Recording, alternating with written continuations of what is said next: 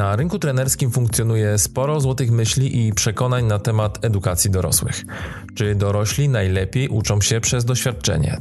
Czy najlepszym modelem uczenia dorosłych jest cykl Kolba? Co motywuje dorosłego do uczenia się? Na te i inne pytania próbowali odpowiedzieć profesor doktor habilitowana Agnieszka Stopińska-Pająk, pedagogzka, andragożka, historyczka edukacji i Rafał Żak, trener, mówca, coach, autor książek i ambasador EPALE.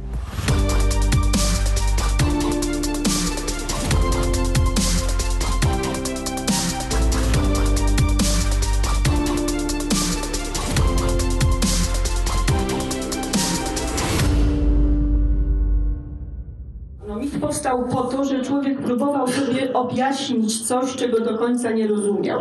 Żeby y, po prostu było mu łatwiej żyć. Coś, czego nie rozumiał, nie potrafił wytłumaczyć za pomocą swojego doświadczenia, swojej wiedzy, swoich praktyk, no to wymyślił sobie, no mity powstały właśnie, bo wymyśliły Boga, prawda, czy bóstwa, różne to w zależności już od różnej y, kultury. I my jesteśmy kształtowani przez tą kulturę, prawda? Jednym z takich, y, no to ładnie tam pisze o tym Chantal de Sol, jednym z takich mitów założycielskich naszej współczesnej kultury e, i takiego, takiej matrycy wręcz kulturowej jest właśnie nawiązywanie chociażby właśnie do kultury greckiej.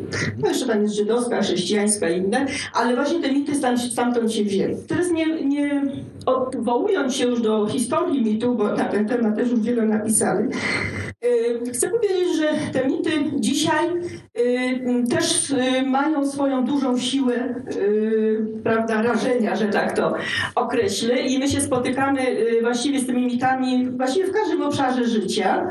Wystarczy włączyć telewizor i już mamy mit jakiejś tam, prawda, określonej ideologii. To są przecież też jakieś tam mity. I między innymi te mity, jeśli chodzi o andragogikę, zrodziły się też z tego, o czym też ładnie pisał Paul Ricoeur, w ogóle mówiąc o micie właśnie, że mit powstaje też yy, celowo jest wytwarzany także w takiej sytuacji, kiedy my chcemy pokazać pewną odrębność, chcemy się wyróżnić spośród innych, y, zbudować własną tożsamość na czymś, co nas odróżni od innych. Bo co prawda w samym pojęciu tożsamość to jest tożsame z czymś innym, ale żeby być, y, ale równocześnie chodzi o to, żebyśmy, żeby ta nasza tożsamość była, odróżniała się od innej tożsamości.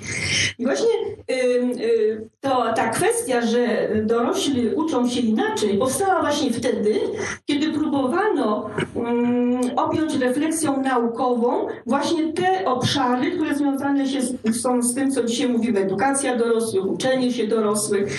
Nauku, jak Państwo tam zapewne dobrze wiecie, bo jesteśmy w takim gronie, że tu trudno coś nowego powiedzieć. W każdym bądź razie na pewno tutaj e, do Malcolma Knowlesa można by się odwołać, bo też wszyscy tutaj go przywołują jako tego, który właśnie w ten sposób chciał stworzyć andragogikę jako odrębną naukę, która właśnie będzie zajmowała się tymi zagadnieniami. Co prawda to też jest mit, bym powiedziała, bo wcześniej już oczywiście andragogika ma swoje źródła znacznie wcześniej, nawet i w naszym, e, w naszym rzeczywistości, bo w Polsce też już i tym pojęciem i też określano mm, cały przedmiot badań andragogiki, określono kierunki badawcze, metodologie, już w okresie także międzywojennym.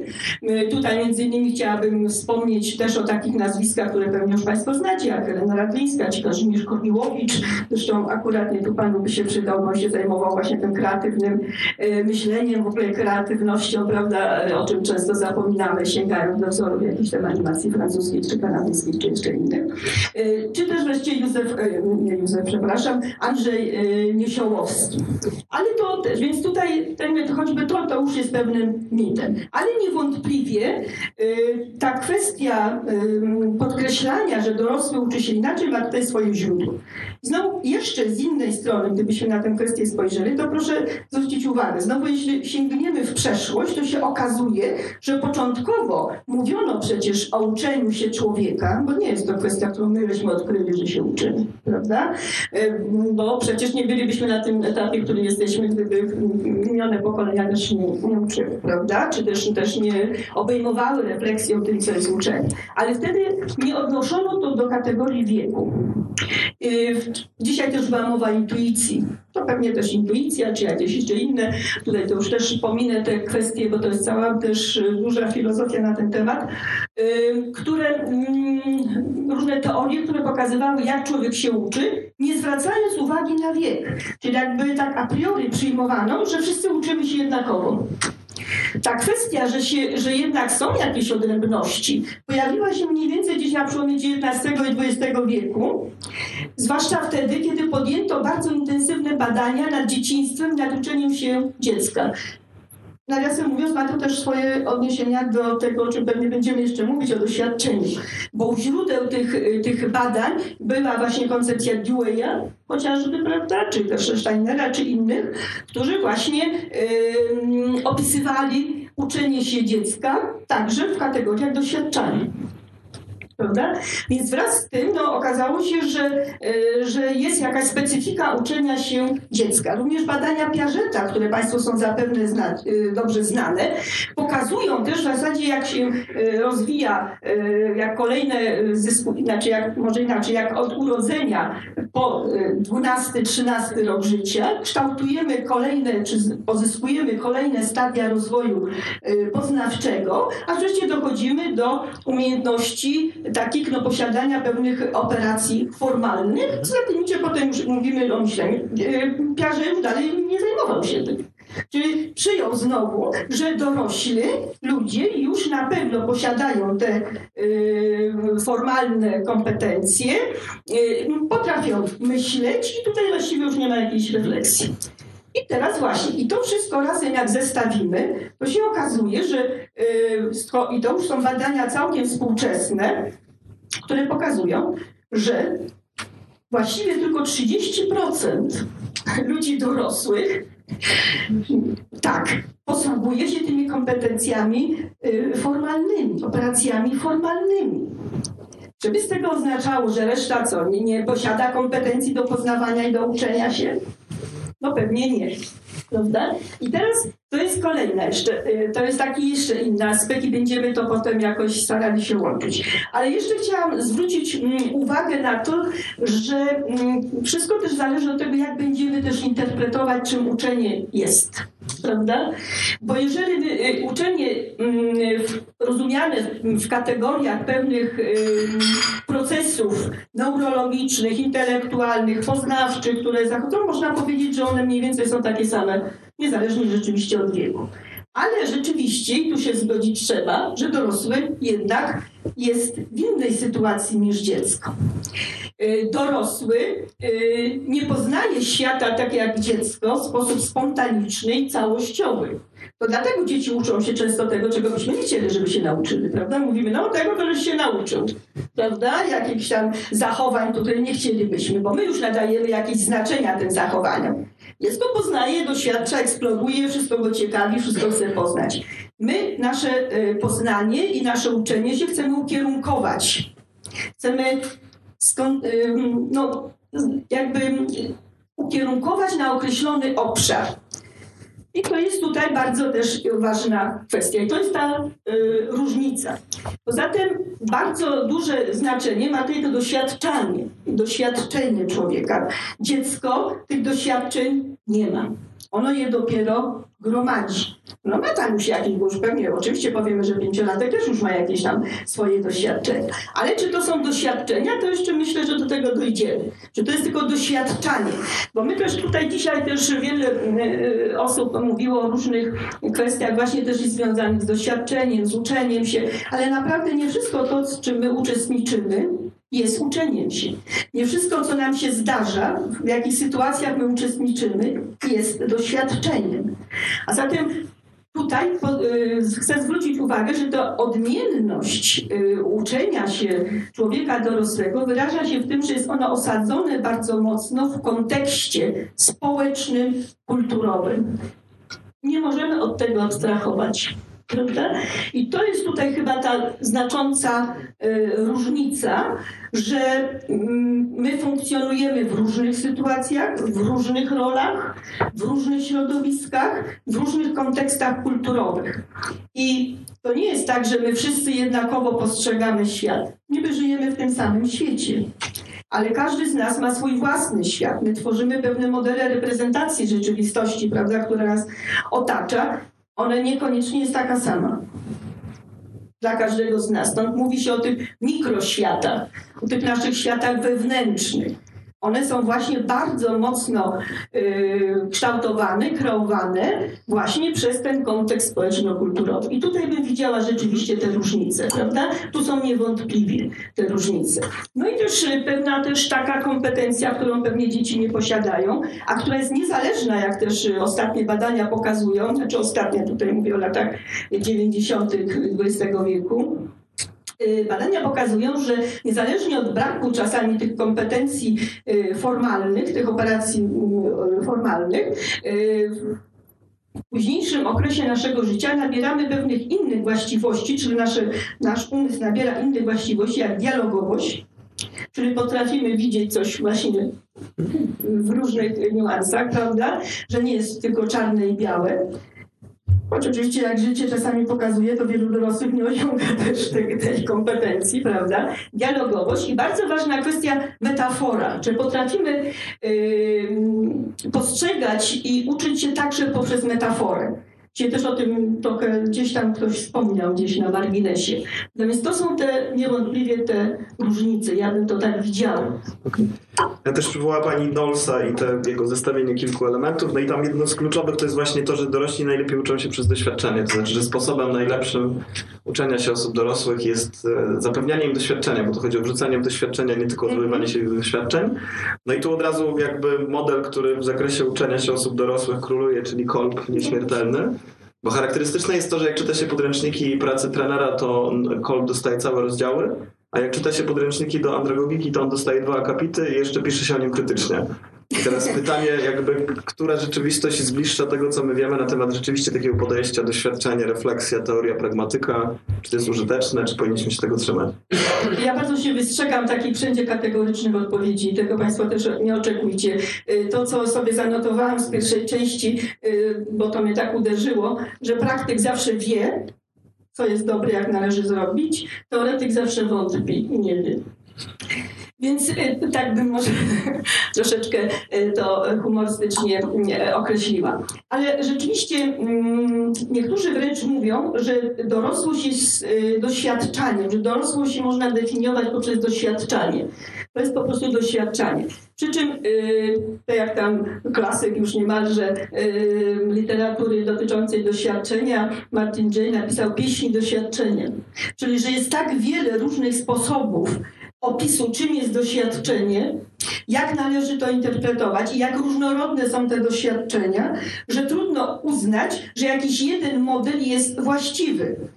Zawsze, jeżeli gdzieś się pojawi ktoś, kto nam powie, że y, jakaś jedna teoria, czy jakaś jedna koncepcja opisuje y, jakiekolwiek działania, tym akurat no, odnosimy to do uczenia się dorosłych, to znaczy, że jest błędzie. Jesteśmy tak różni, że nie może nas opisywać jedna teoria, to byłoby zbyt proste.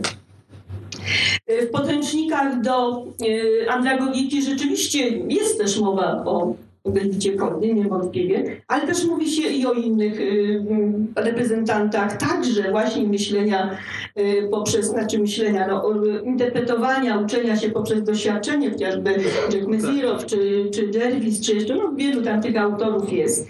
Natomiast y, dla mnie bardziej takim przekonywującym sposobem patrzenia na kwestie właśnie i doświadczenia, i uczenia się, bo one się ze sobą łączą przecież niewątpliwie, to są te podejścia i te nurty Y, bardzo teraz, y, no modne to może głupie słowo, ale bardzo rzeczywiście y, eksplorowane w nauce, to jest podejście biograficzne. Czyli patrzenie na człowieka, nie oddzielnie, tu doświadczenie, tam twoja wiedza, tu kompetencje, ale patrzenie właśnie całościowo, holistycznie, bo w biografii człowieka to wszystko się właśnie zamyka, prawda? To uczenie się z biografii poprzez biografię, z biografii innych. No co to znaczy uczenie się z biografii? To jest właśnie uczenie się także poprzez własne doświadczenia. To własne doświadczenie tutaj niekoniecznie jest rozumiane w ten sposób, że to ja muszę coś przeżyć. Ja muszę się z czymś zetknąć. Nie wiem, ja muszę łamać nogę, żebym widziała, jak to jest złamać nogę. Niekoniecznie, prawda? A więc tutaj to te koncepcje właśnie dotyczące biograficznego uczenia się, myślę, że lepiej chyba opisują i oddają właśnie y, doświadczenie człowieka, bo pokazuje właśnie to, o czym wcześniej mówiłam, jak silnie, jak znacząco jest to wpisane w pewien kontekst i w to, o czym troszkę zapomnieliśmy, a teraz jakby na nowo powraca to w dyskursie, możliwości i warunki czyli możliwości i warunki, w których my funkcjonujemy. Bo proszę Państwa, my takie mamy często złudzenie, jak tu dzisiaj jesteśmy w naszym gronie, to nam się wydaje, że się wszyscy uczą. Prawda? Że się wszyscy uczą, i są też takie teorie, które głoszą, że nie jesteśmy poza uczeniem się, że człowiek jest zawsze e, w sytuacji uczenia się, prawda? Ale to nie wiem, czy to tak do końca jest. E, natomiast e, takie mm, przekonanie mm, może być właśnie, bo jesteśmy w takim środowisku. Ale chociażby pani, która prezentowała tutaj program Erasmusa, który no, odwoływała się do danych, które znamy przecież, które pokazują, że tak naprawdę to bardzo niewielka grupa osób uczestniczy w uczeniu się. Prawda? Bardzo duża grupa osób dorosłych pozostaje poza uczeniem się. Oczywiście, no może tak nie rozumiemy tego tak dosłownie, ale poza uczeniem się. Świadomie nie uczestniczy w tym procesie, w tym wyzwaniu. Prawda? A zatem no trudno tu opisać, że tylko kolba i te tam kolejne etapy, które on przedstawia, bo my się uczymy poprzez różne praktyki. Poza tym też, też nie zwróciliśmy jeszcze uwagi na bardzo ważny aspekt związany z uczeniem się dorosłych. On jest y, widoczny też w uczeniu się dzieci i młodzieży, ale szczególnie dorosłych. Czyli to jest to, o czym pisał Knut Illeris. Czyli zapominamy, że y, uczenie się to nie tylko ten aspekt poznawczy, intelektualny, to przy, takie też przez to przekonanie, że jeżeli powiem coś uczniowi, to on już to będzie wiedział, że ja coś przeczytam, to już będę wiedziała i to zastosuję.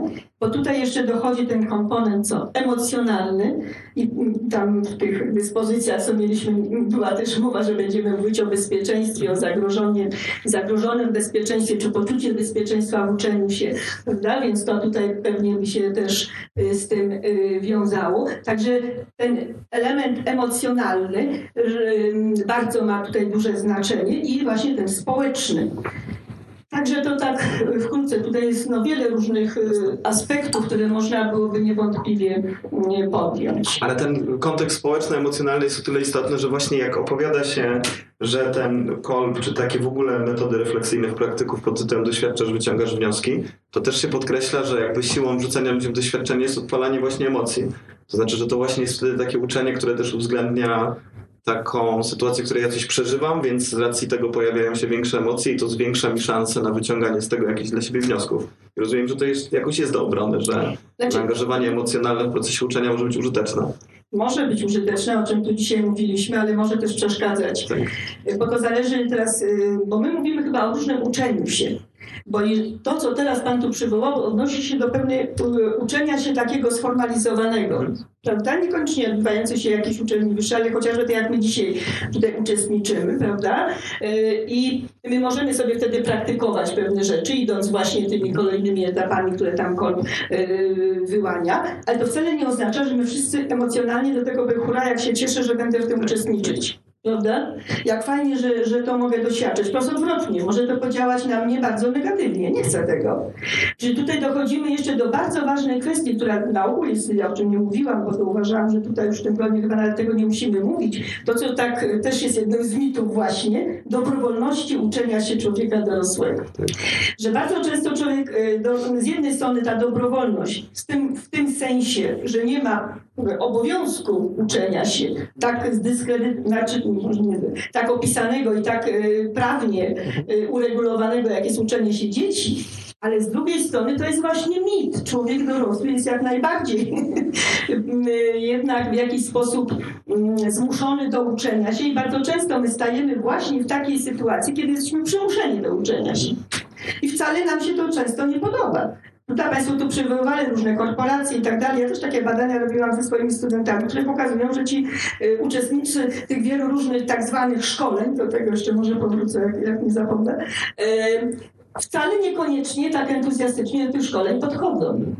Wcale im się to nie podoba. Tu nawet ktoś z Państwa mówił dzisiaj, że on nie chce już odgrywać jakiejś kolejnej scenki. No tak.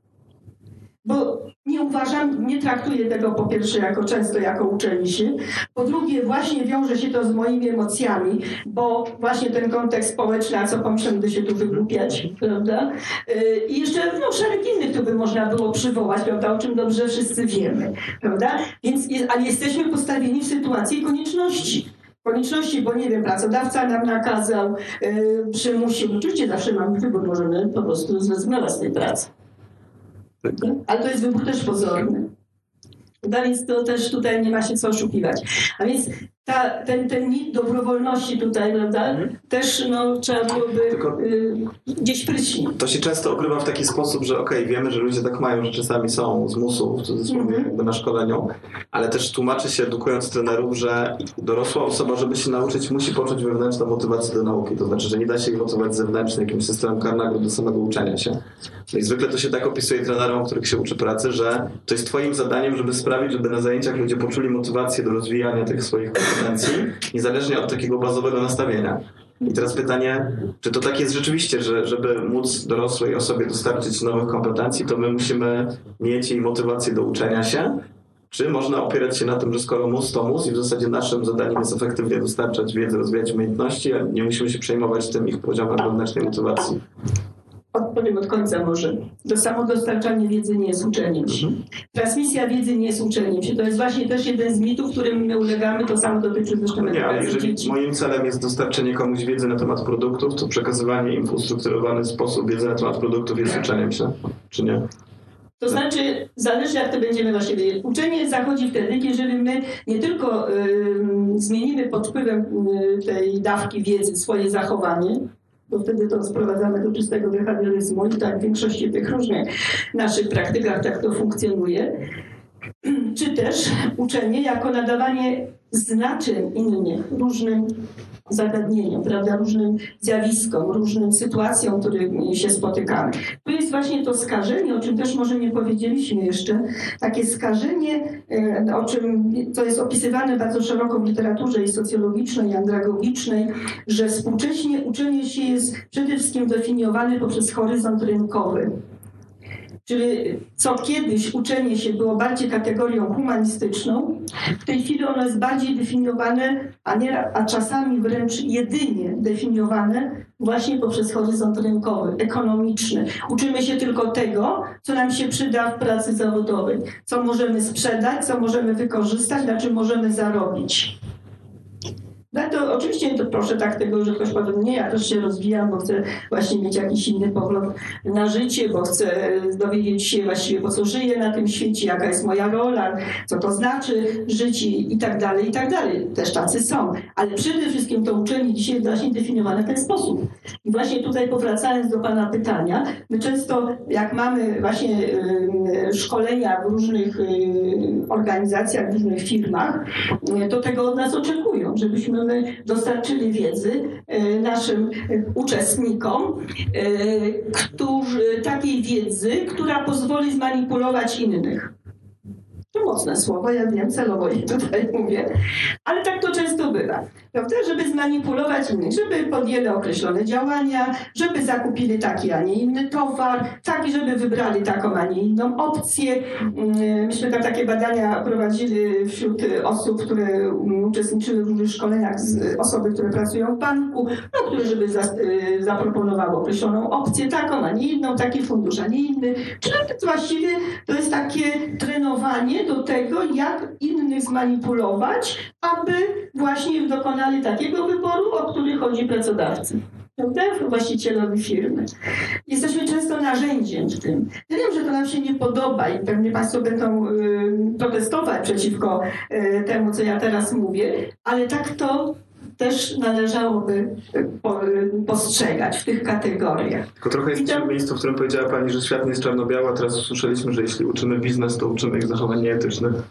To niekoniecznie nieetycznych, no pewnie, że to jest jakaś... Manipulacyjnych na końcu. Manipulacyjnych, tak, tak, tak. No, to jest niekoniecznie etyczne, może nie będziemy ich namawiać do tego, żeby szli i zabijali innych ludzi, prawda, więc to może aż nie tak do tego stopnia, ale w jakimś kontekście, jakby no też nie należy tego tak dosłownie rozumieć, prawda, że tylko, ale w dużej mierze jest to definiowane właśnie to uczenie się poprzez te instrumenty właśnie rynku, instrumenty ekonomiczne. I w tym kontekście y, tak samo z tą y, motywacją, bo o tym chyba mieliśmy mówić. Z tą motywacją też bywa e, różnie i rzeczywiście mm, w andragogice e, różne badania pokazują, i to zresztą jest temat dość zbadany, już bym powiedziała nawet, e, że każda, każdy motyw uczestnictwa w jakimkolwiek spotkaniu o charakterze edukacyjnym, czy tam, gdzie się mogę nauczyć, jest dobry. Mhm.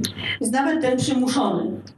I teraz tu słusznie, tu się zgodzę. Teraz od nas zależy, na ile uda nam się prawda, wyzwolić także to, żeby ten ktoś poczuł nie tyle, że to jest jego wewnętrzne, bo co to jest wewnętrzne, to jeszcze można by dyskutować, ale żeby uznał, że to jest to rzeczywiście potrzebne, że to mu się przyda, że to jest, prawda, że to jest celowe uczestniczenie w tym spotkaniu, że coś z tego skorzystam, y, że y, nie jest to stracony czas, tak jak to ktoś tutaj już dzisiaj o tym mówił. No I to w tym kontekście myślę, że tak. Czyli, że każda, y, każda jakby motywacja jest dobra. Y, też druga sprawa to jest też wyzwalanie pewnych potrzeb. O tym też dzisiaj ktoś tam wspominał y, na marginesie, wyzwalanie pewnych potrzeb, bo właśnie to dostarczanie wiedzy, ten kontakt, bo co prawda mówiłam, że to nie tylko to, prawda, ale to dostarczanie wiedzy jest na pewnym wyjściem do tego, żeby, żeby rozpocząć uczenie się może pokazać to, że ja nawet nie miałam takiej potrzeby. Czyli chodzi o to, żeby teraz y, trener, y, nauczyciel, różnie to możemy nazywać, edukator, czy osoba, która y, próbuje wyzwolić uczenie się u innych, no, wyzwolił jakąś potrzebę, której nawet do tej pory nie miałam. Teraz ja, o właśnie, Eureka, odkryłam, że poprzez to spotkanie ja widzę, że mam taką potrzebę, że to powinnam to kształtować, rozwijać, prawda? Myślę, że to by tutaj też można było w ten sposób mm, postrzegać. A jak jesteśmy przy tych obszarach motywacji, wewnętrznej motywacji i tak dalej, to trochę się otarliśmy o ten temat właśnie poczucia bezpieczeństwa i komfortu. Mamy z nami taką przepiękną opowieść, że tam trzeba wyjść ze strefy komfortu, żeby się rozwijać, co jest tam odmieniane przez różne przypadki. E, no i jak to jest rzeczywiście? Znaczy, czy to jest tak, że dbając, znaczy, żeby doprowadzając osoby dorosłe do rozwoju swoich kompetencji w zakresie wiedzy umiejętności, my powinniśmy się przejmować ich komfortem uczenia się. To znaczy powinniśmy się przejmować tym, żeby oni czuli się dobrze w tym procesie, żebyśmy ich nie nastawiali na jakieś trudne przeżycia właśnie emocjonalne wynikające z, nie wiem, z takiej niechęci obnażenia siebie i swoich kompetencji, czy raczej powinniśmy wyjść z założenia, że to jest trochę po ich stronie, jak oni się w tym odnajdą, jeżeli chodzi o swój komfort. No również rzeczywiście tutaj yy, powiem, że no nie ma jakiegoś jednego, yy, jednej odpowiedzi tak albo tak. W ogóle należałoby wyjść od tego, że w ogóle żyjemy w takich czasach, yy, w których nasze bezpieczeństwo ontologiczne zostało zagrożone. Yy, prawda, o tym dobrze wiemy. Wszyscy żyjemy teraz w społeczeństwie ryzyka prawda, jak pisał już, to już przecież ładnych parę lat temu Beck, prawda, ale też i inni to rozwijają. Zwłaszcza teraz też dużo się mówi o tym zagrożeniu właśnie takim ontologicznym człowieka i takim zachwianiu bezpieczeństwa człowieka w momencie, kiedy okazuje się, że za niedługo y, inteligencja sztuczna może nas zastąpić. Prawda? Więc to jest też takie, y, takie zagrożone bezpieczeństwo ontologiczne, będące w ogóle u podstaw naszego funkcjonowania. I to może teraz działać na nas stymulująco, czyli musimy podejmować różne działania, aktywność, by w jakiś sposób przygotować się na przyjęcie właśnie tego wyzwania, a bądź też odwrotnie, może się stać tak, że właściwie nic nie będziemy robić i, i, i rzeczywiście i tak nas to spotka, bo, bo inni no, nie będą tak myśleć jak my, prawda? Więc to jest, to jest jedna sprawa. Druga sprawa rzeczywiście, mm, jeśli już odniesiemy to, bo to jest taka szersza perspektywa, pewien kontekst, w którym funkcjonujemy, my wszyscy jako ludzie, prawda? Ale też kiedy odnosimy to już bezpośrednio do takich naszych doświadczeń edukacyjnych, to chcę zwrócić uwagę, że czasami w sytuacji bardzo daleko idącego zagrożenia możemy tym bardziej wyzwolić w sobie mm, pewne pokłady, bym powiedziała, mm, odwagi takiej do uczenia się, do podejmowania uczenia się. Ja tu chcę taki skrajny przykład przywołać. Niedawno e, czytałam książkę, bardzo nam, nam poruszyła pani Joanny Ostrowskiej, która opisuje doświadczenia mm, kobiet w obozach koncentracyjnych, w obozach zagłady, które były zmuszane do prostytuowania się. Prawda, to jest taki temat trochę przemilczany, mało opisywany. Zresztą same kobiety, które były zmuszane do tego typu no, pracy, też nie chciały o tym mówić. I one też właśnie, to, to, to jest jedno takie źródło, ale też i szereg innych y, takich y, prac, które o, opisują właśnie zachowania się ludzi w sytuacjach ekstremalnych, w sytuacjach całkowitego właśnie zagrożenia poczucia bezpieczeństwa, że oni właśnie podejmują uczenia się właśnie w obozach koncentracyjnych, właśnie w więzieniach, właśnie w sytuacjach jakiegoś tam naprawdę totalnego e, zagrożenia. Takie sytuacje mają wtedy miejsce, czyli że się wtedy wyzwalamy uczyć. Sama kiedy kiedyś zostałam napadnięta w toalecie, jakby to nie brzmiało, e, też e, jakby przywołałam całą moją wiedzę, prawda, i wtedy wszystkie jakieś kreatywne pomysły mi przyszły do głowy, jak wyjść z tej sytuacji. No udało się, prawda? Więc, więc to pokazuje, że w sytuacji takiego totalnego zagrożenia też yy, jak najbardziej możemy się uczyć. Oczywiście, że chodzi o to, że nie musimy takich sytuacji doświadczać, bo yy, w takich relacjach, jak my tu jesteśmy, w sytuacji uczenia się, lepiej, kiedy jakiś tam komfort mamy zachowany. Ale w moim odczuciu, bo to różnie autorzy do tego podchodzą, zbyt daleko idąca sytuacja komfortowa no, może nam też przeszkadzać. Ona nie pozwala nas y, to, żebyśmy skupili uwagę. Y, ona y, też sprawia, że czujemy się już zbyt pewnie siebie, prawda? A już wszystko wiem, ja będę go tam słuchać, prawda? Więc to no, wszędzie zawsze musimy znaleźć ten tak zwany złoty środek, wybalansować. Poza tym też w zależności od tego, w jakim środowisku funkcjonujemy, prawda? My funkcjonujemy akurat tutaj no, w środowisku ludzi, którzy się uczą, są aktywni, zainteresowani, to jest zupełnie co innego. Ale proszę Państwa, jak trafimy gdzieś właśnie, tak jak dzisiaj Pani przypomniała, środowisko jakieś, które nigdy nie uczestniczyło w żadnych formach edukacji, no to ci ludzie tam naprawdę się czują zagrożeni. Mhm prawda? I tam stworzenie jakiegoś komfortu no jest podstawą w ogóle tego, żeby ta e, aktywność e, uczenia się mogła zaistnieć. To jest o tyle ciekawe, że to, to jest taka rzecz, z którą często się też spotykamy, pewnie przynajmniej się spotykam ze strony uczestników, którzy mówią, że to jest dobry sposób uczenia, na przykład wrzucanie ludzi na głęboką wodę. Że oni też tak patrzą na przykład na rozwój kompetencji swoich pracowników i twierdzą, że jakby ten komfort jest nieważny, trzeba zobaczyć, czy będzie pływał, tak? Jakby tak, ale może się też utopić. Więc jak się już utopi, to już się niczego nie nauczy. Znaczy ja też jestem z pokolenia, w którym no. uczenie pływania tak wyglądało. Sensie rodzice stosowali takie metody, nie pamiętając o strefie komfortu, więc... No, jakoś przeżył pan, skoro, no tak, skoro się spotykamy. To, że ja przeżyłem nie oznacza, że to jest efektywny proces, bo pewnie właśnie, wielu zrezygnowało z pływania. Właśnie tak? o to chodzi. Właśnie o to chodzi. Także niekoniecznie to są dobre metody. Dlatego mówię, no, to wszystko zależy od tego, do kogo to kierujemy, prawda? To na pewno tak, tak to wygląda. Okej, okay, no to skoro sobie powiedzieliśmy, że ludzie są różni i trudno jest znaleźć pewien określony e, taki, nie wiem, pojedynczą podpowiedź, która mówi, jak do nich podchodzić, no to zderzamy się z kolejną popularną koncepcją, że istnieją różne style uczenia się.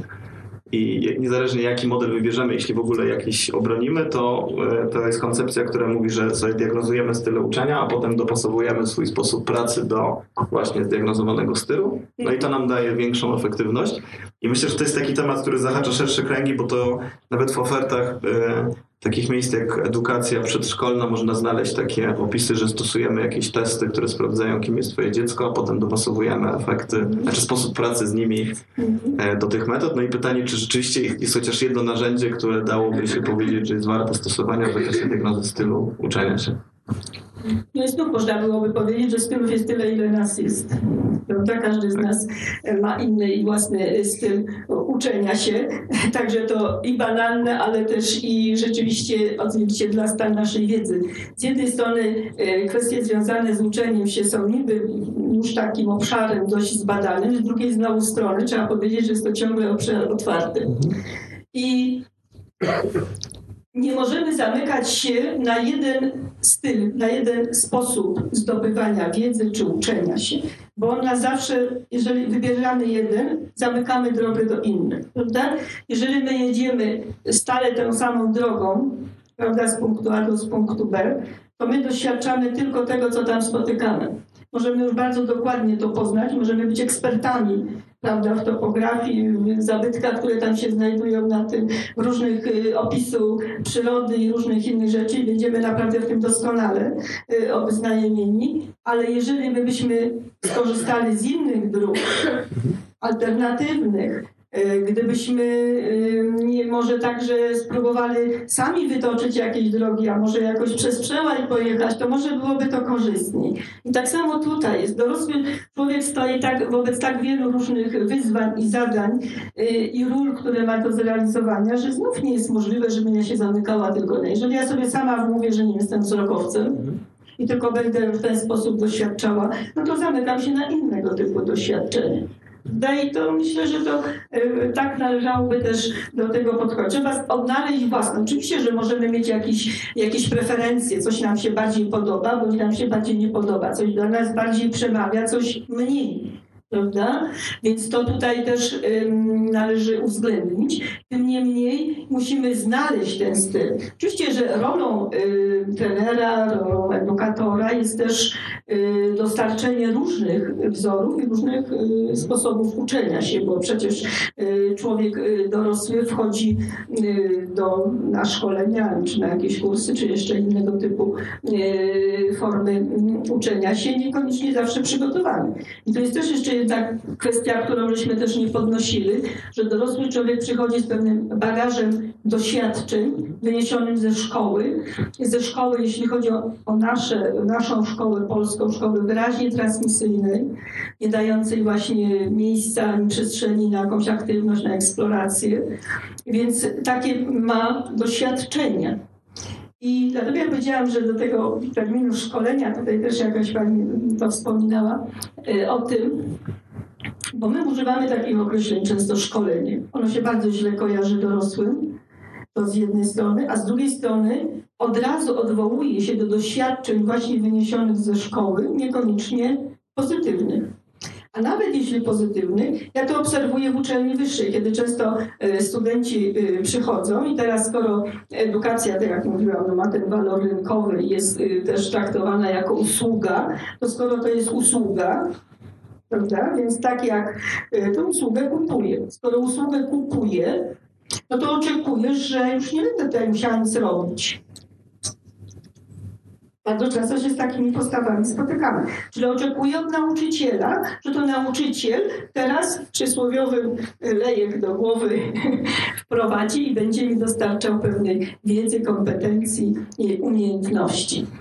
Oczywiście tu przesadnie o tym mówię, bo to, to też nie należy też tak tego dosłownie rozumieć, ale to pokazuje, że to nastawienie wyniesione ze szkoły prawda, może nam tutaj przeszkadzać. My nie mamy pewnych wzorów innych uczenia się, mhm. prawda, tylko uczenie się pod kierunkiem, uczenie się, które jest przez kogoś sterowane, y, a chodzi o to, że w tym uczeniu się, jak nazwa mówi, to przede wszystkim my tu jesteśmy podmiotem i to my ponosimy tę odpowiedzialność za to, czego się uczy i jak się uczy. A to zawsze była obserwacja osób, które prowadziły zajęcia od lat, znaczy lata temu, że jakby kiedyś wygrywało się formą, to znaczy jeżeli tylko twój sposób pracy odbiegał od tego schematu, to to już było wystarczające, żeby ludzie dobrze oceniali samą aktywność, tak? Jakby nie, nie z perspektywy nawet efektów, ale formę, Formy, którą tak. się zapewniało. Teraz jest pewnie tak, że większość osób jest przyzwyczajonych do form aktywnych, więc ten poziom wymagań wzrasta, tak? Bo już to nie jest takie mhm. zestawienie proste z tymi latami szkolnymi. Ale w zakresie tego tych stylów to w zasadzie oznaczałoby, że istnieją tylko jakieś preferencje, które i tak nie wiadomo, czy są związane z efektywnością uczenia.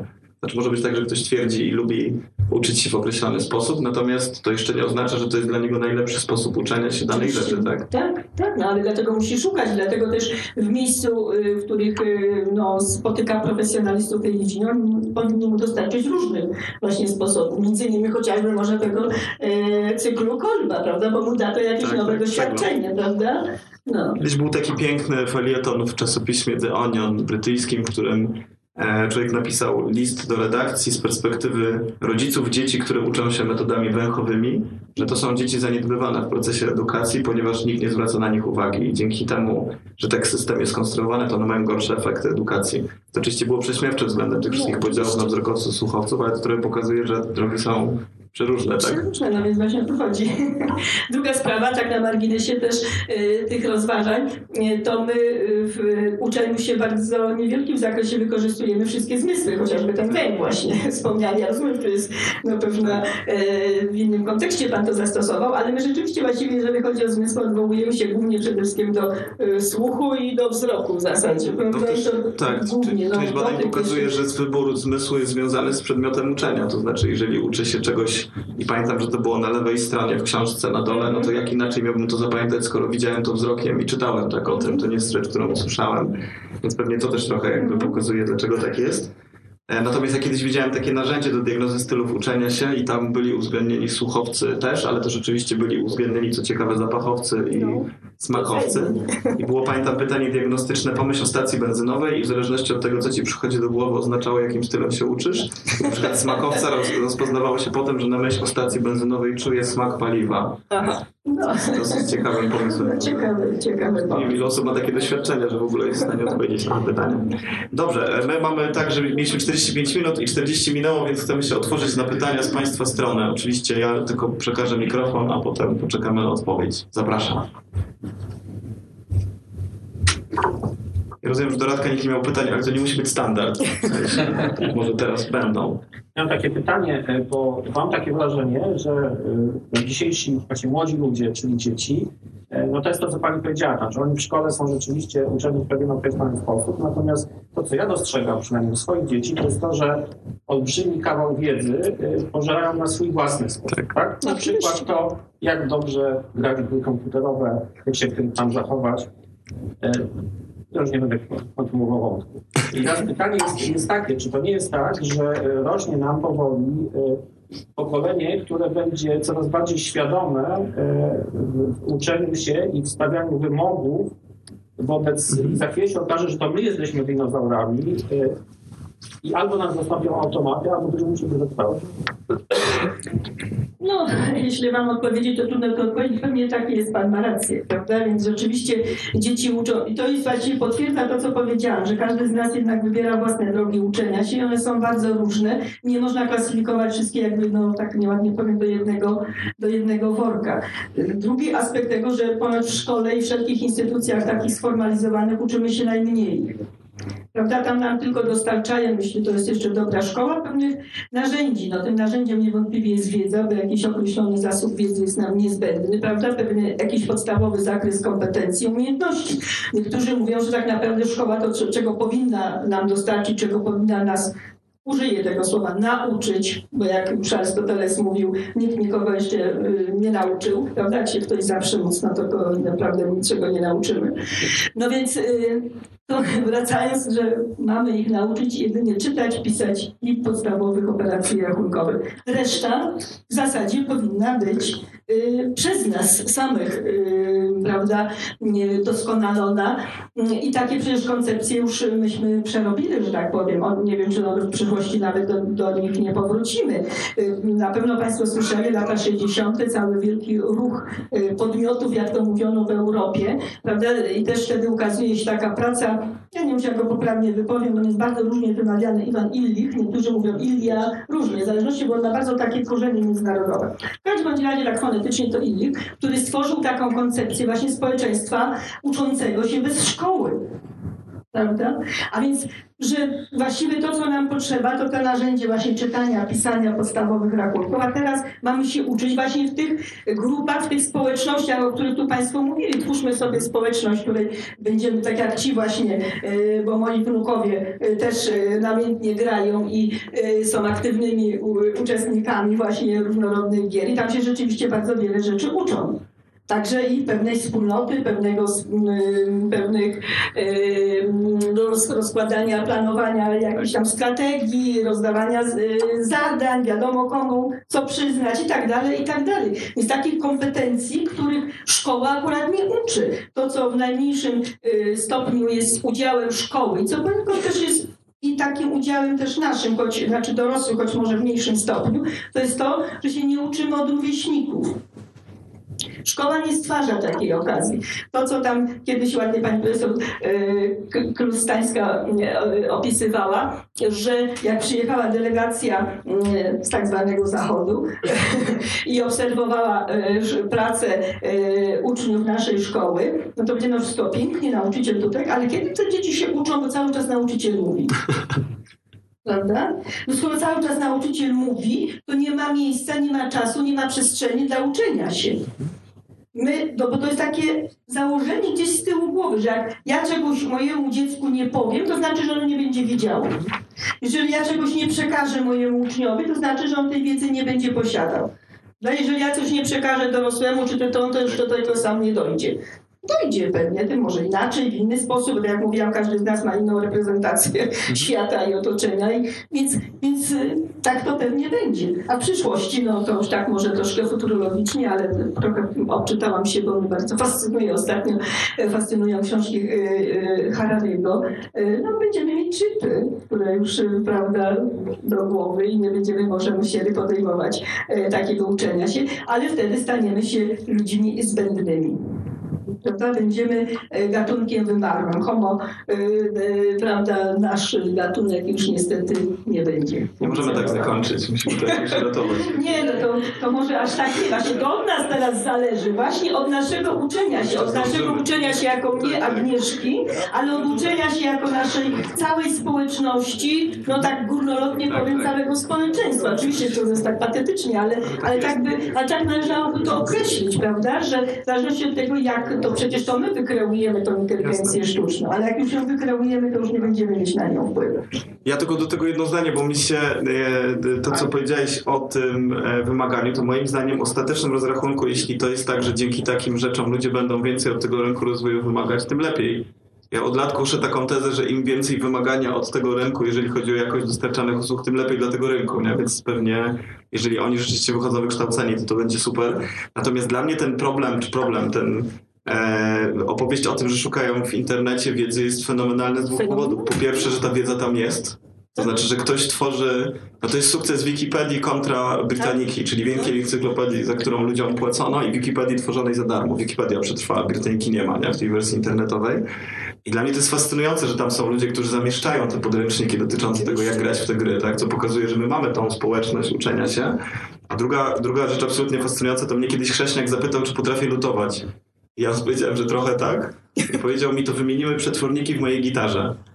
Ja jakby pomyślałem sobie, że jeśli to chodzi o lutowanie, to jakoś to ogarnę.